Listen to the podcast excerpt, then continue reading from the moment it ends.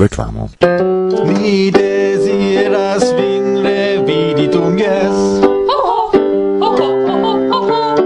Jes, vi venu nepre, nepre ah, al jes.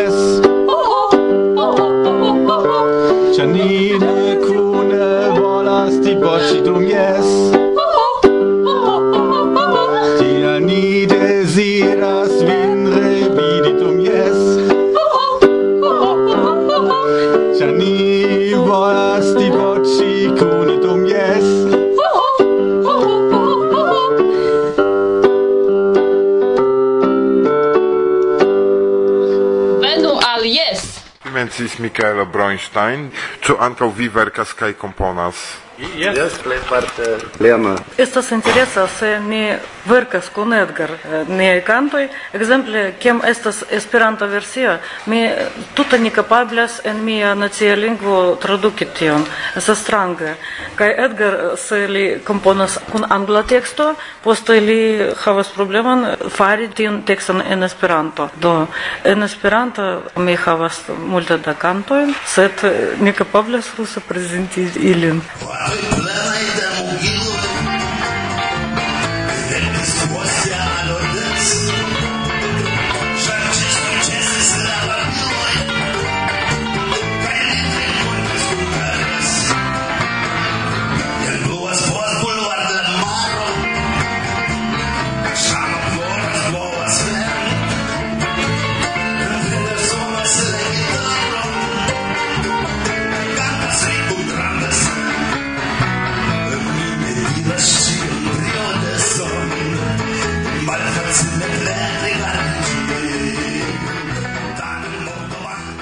pagis kaj vi eldonis?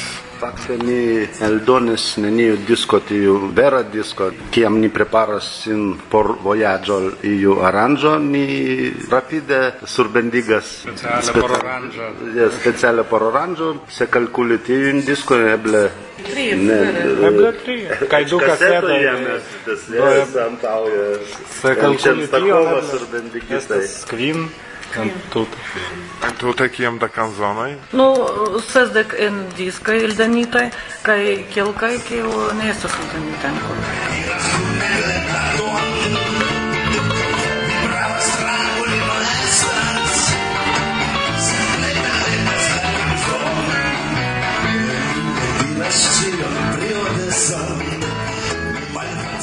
viaj planoj?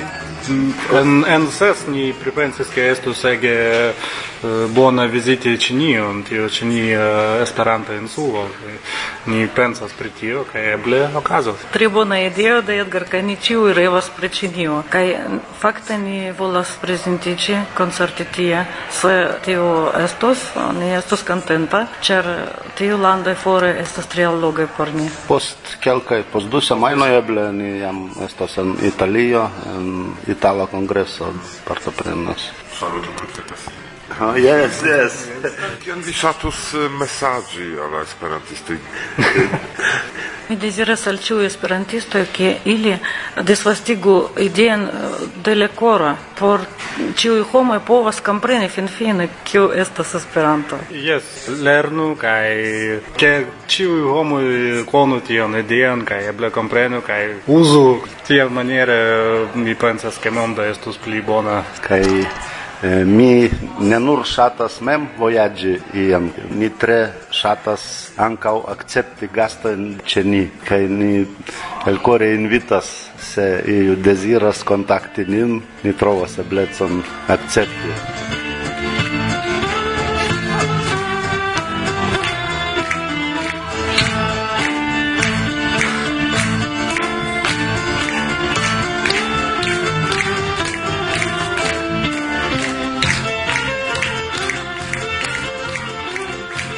aŭdis pri iu konkurso kiun vi inventis, pri kio temas? Dum pasintjara aranĝo bet kvardek ses, estraro de konkurso kiun festis jam kvindek kvarjara transdonis al ni taskon esti gvidantoj de konkurso Muzo kaj ni celas eh, uh, aranĝi kaj daŭrigi la konkurson ekde septembro ĉi jare kaj tie povus partopreni ĉiu ajn muzikistoj, verkistoj de la teksto, poezio, prozo, kaj ili povus prezenti sian eh, verkojn. Je tio konkurso muzo, kaj ni akceptos ilian laborojn, kaj poste estos komisio Jam invitita al tio komisio estas Mikaelo Brandstein, Georgo Ganslik kaj alie grava personoj en Esperanto mondo, kiu poste disdonos premiojn. Bonvenon!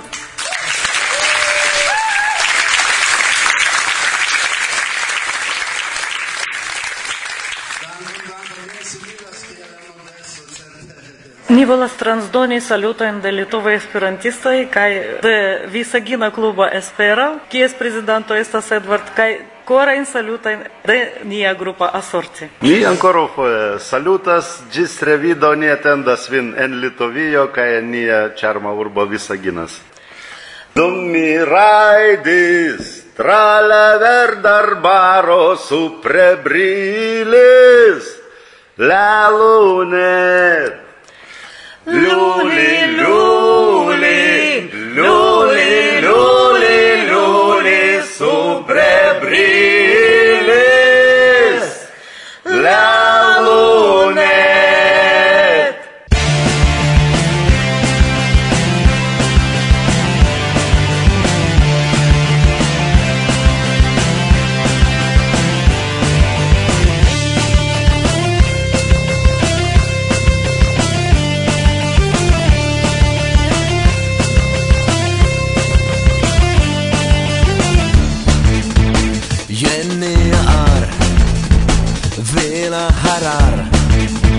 e la chitarra in la mano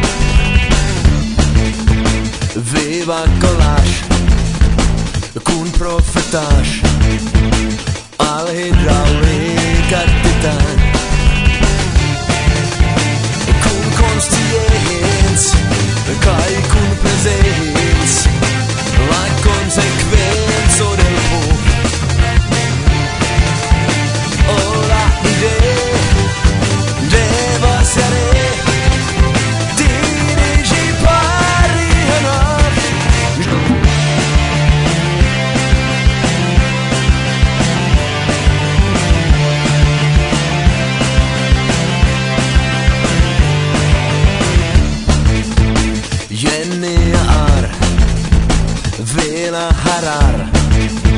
e la chitarra in la mano.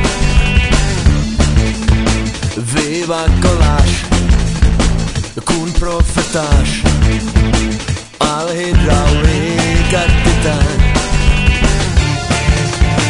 Kun conscienz Kai kun presenz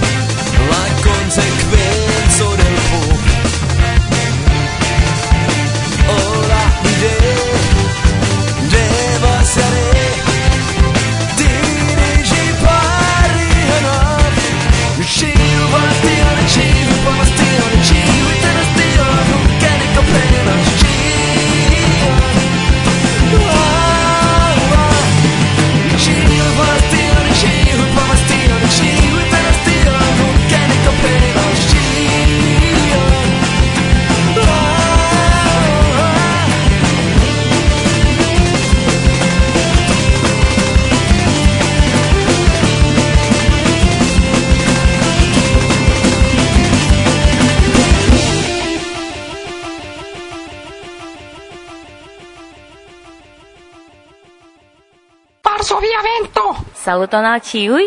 Mi estas Ilia el Indonezio. Estas gioia racontu pri Indonezio. Indonezio estas granda lando insularo. Ni havas diversai culturoi, tradiziai cantoi kaj dansoi. Do mi volas racontu pli pri Indonezio. Do uh, mi esperas ke vi povas kontakti. Estas bona vi povas serĉi pri Indonezia Esperanta movado. Efektive estas ne mia retpaĝo, estas de Heidi, kiu uh, instruis Esperanton en Indonezio dufoje. Ŝi rakontis, uh, rakontas pri uh, ŝia spertoj dum instrui por indonezianoj estas granda sperto kiam Heidi venis al Indonezio uh, ni scias pri Esperanto. Uh, efektive Esperanto ne estas uh, nova avero de Heidi mi scias ke Esperanto estis en Indonezio en 1930 jaroj.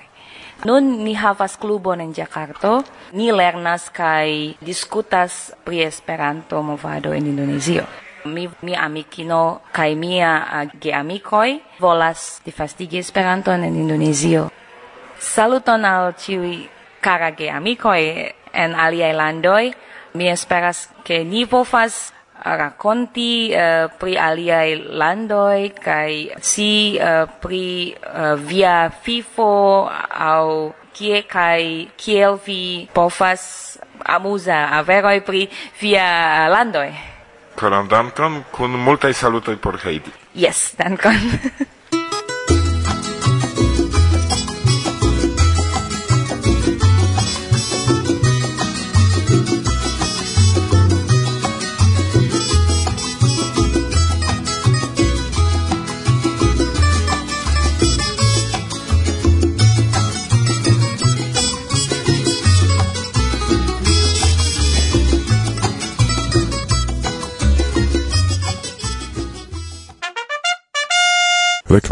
Suso Cuco estas mia unua renkontiĝo.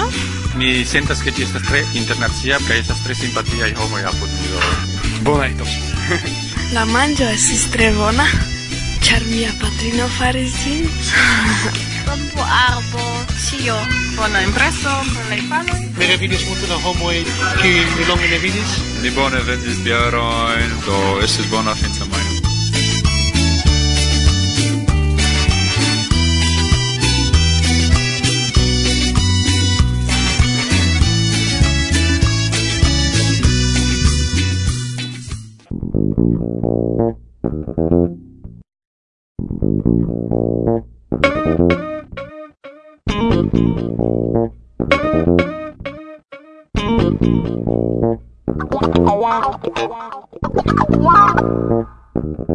Varsovia vento.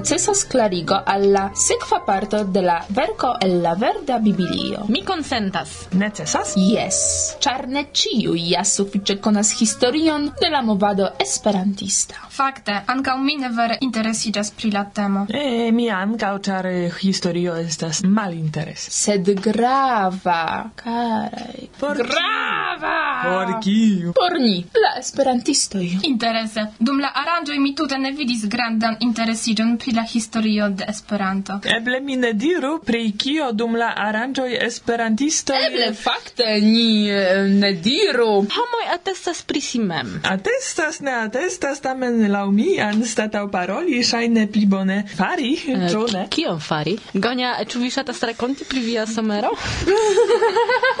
Ĉu vi ŝatas malkaŝi via Varsovia in secreto in... Karaj nowa angulo czy Varsovia vento la kasita angulo degonia.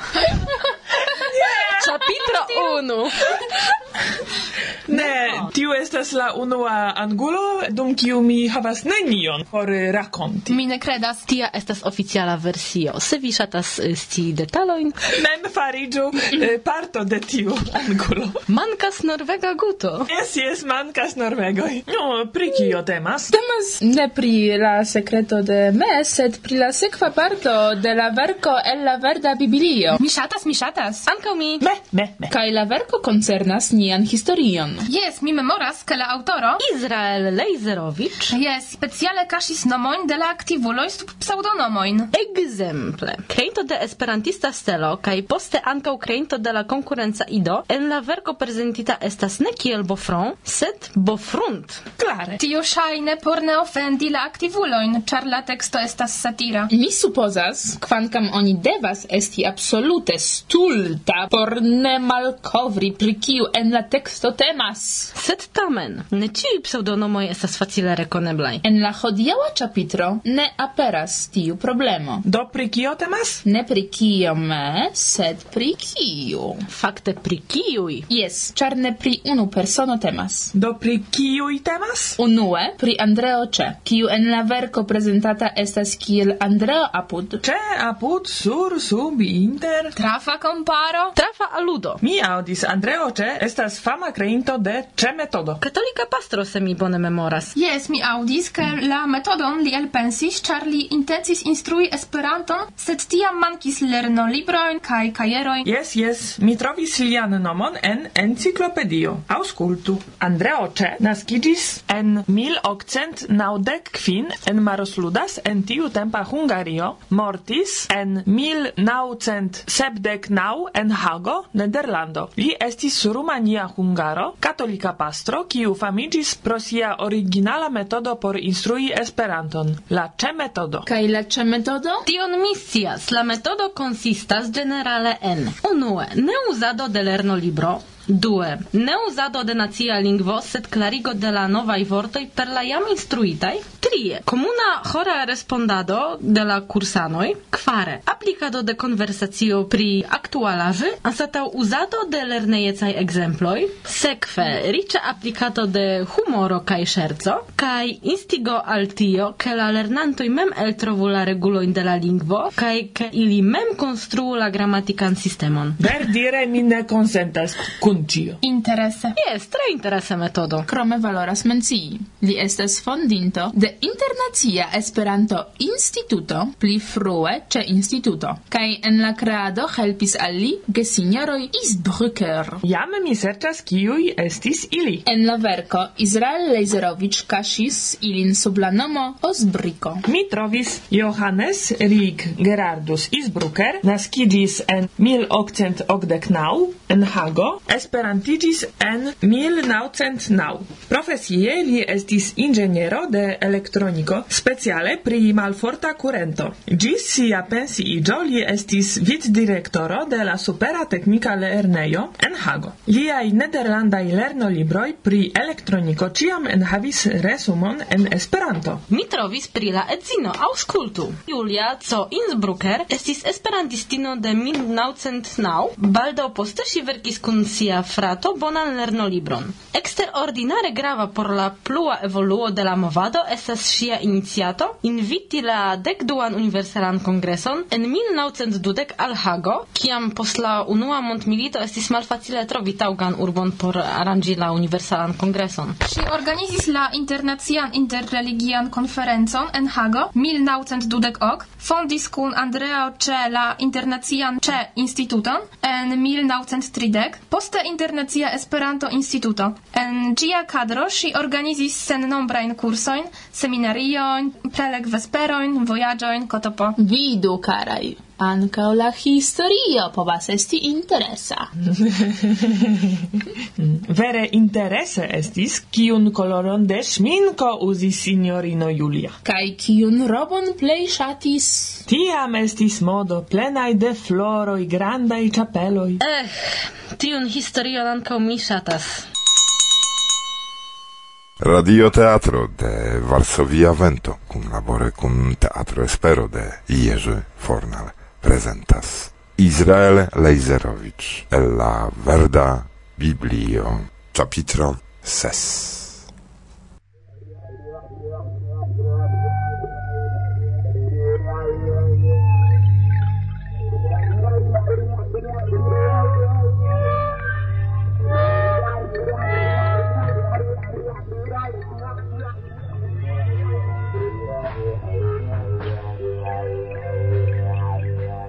vivis viro en la lando rumana, cae lia nomo estis Andreo Apud.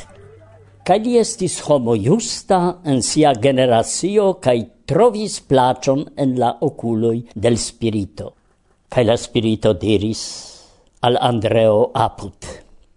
Ec iru el via lando, el inter via parenzaro, cae el la domo de via patro, en landoin, kiun mi montros al vi. Kai mi faros vin granda popolo, kai mi benos vin, kai grandigos vian nomon, kai vi estos beno. Kai Andreo apud humiligis antau la spirito, dirante, Signor, ja mi estas via servanto, cae miai lumboi estas sentructai. Tiel do mi farigios popolo. Cae eccoleris la spirito dirante, sen fida virin ido, Cio mi ne estas la plei potenza, ne malmoligu dian nucon contra mi, cae ne spitu mian volon. Kaj humiligis Andreo aput demandante, kien do mi iru, signoro? Kaj la spirito diris, en nordain landoin, kiuin mi montros al di, vi iros, kaj di disvastigos la sanctan lingvon, kiun mi donos al vi, kaj helpantoin mi donos al vi, cae ili helpu al vi. Cae mi faros vin granda popolo, char vi farigios la spirita parto de miloi, cae dec miloi. Cae Andreo aput obeis la parolon del spirito, cae li elmigris.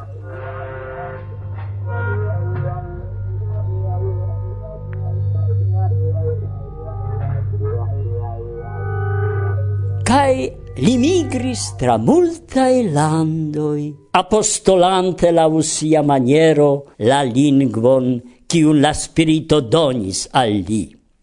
Cai arigis circa li miloi kai dec miloi da disciploi ciel la spirito diris al li.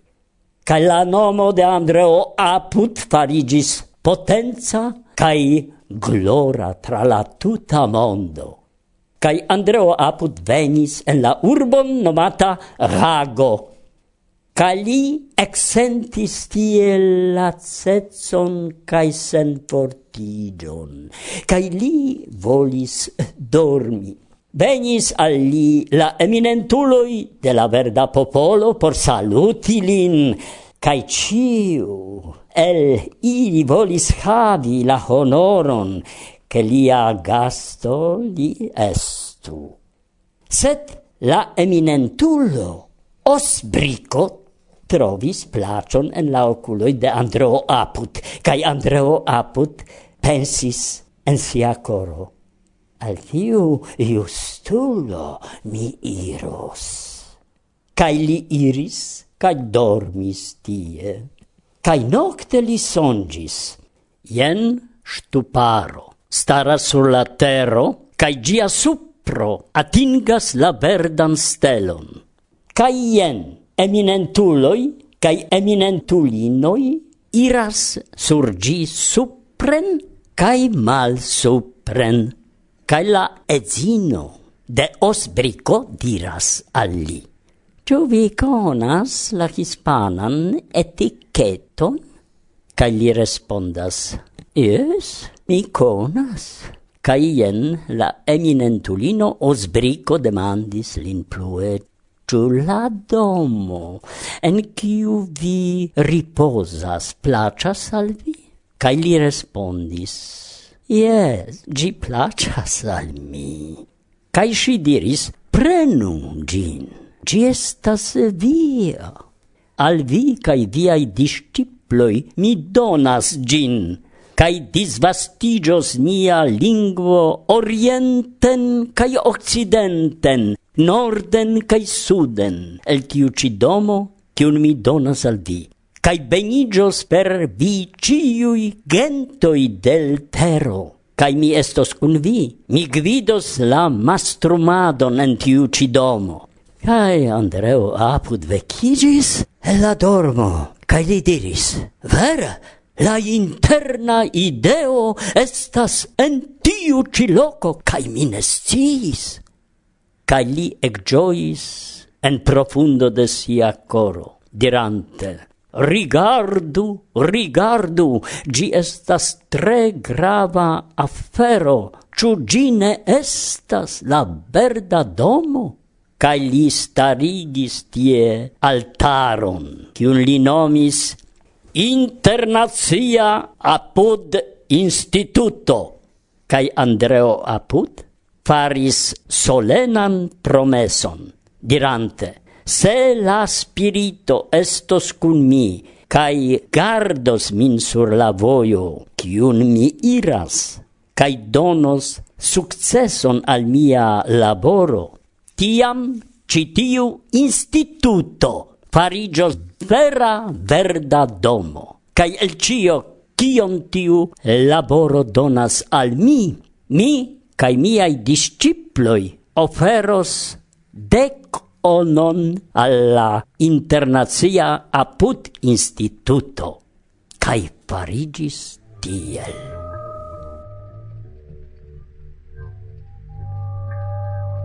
Thank you.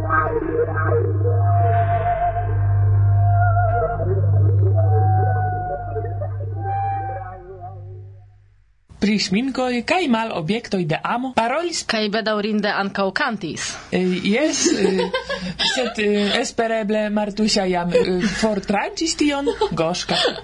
Kaj mi estas Aga au Agnieszka au Ruda Rudziak, rude diversajn nomojn mi havas. Kaj mi estas Karina kaj mi havas dudek unu jarojn Kaj kie vi vivas portempe? En Varsovio, sed mi povas ŝanĝi tion?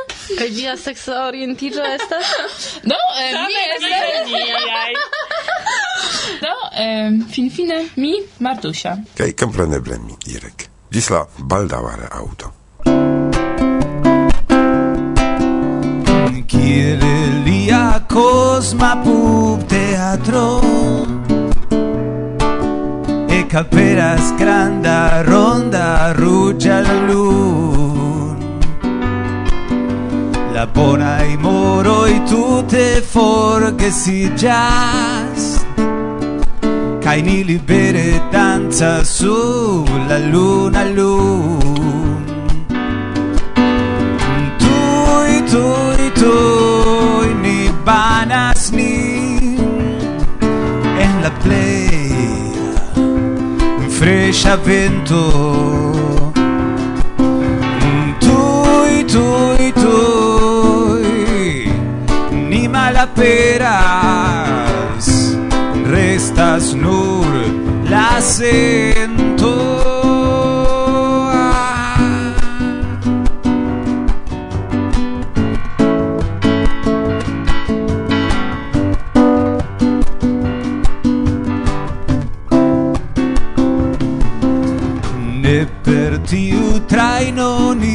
atingos nian heimon. Ne per tiu train ne per gi. Nec tiu aviadilo nec la busoi de la mondo.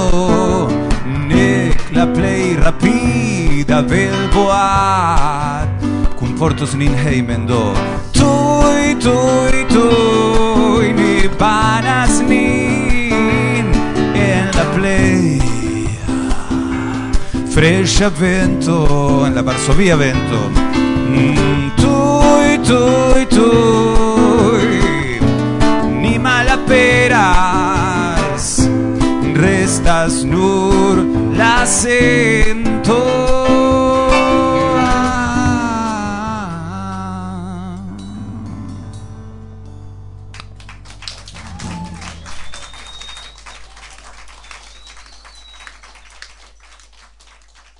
Ancora unu vorto, caraj. Mi volas aldoni nome de tuta Varsovia vento, kaj de ĉiuj Varsoviaj esperantistoj, sinceraj bondeziroj, cion, cion plej bona, kaj cion la plej muzikan, al nia cara jomo, kiu laste havis naskiĝtagan da trevenon. Sto lat, sto lat, niech żyje, żyje!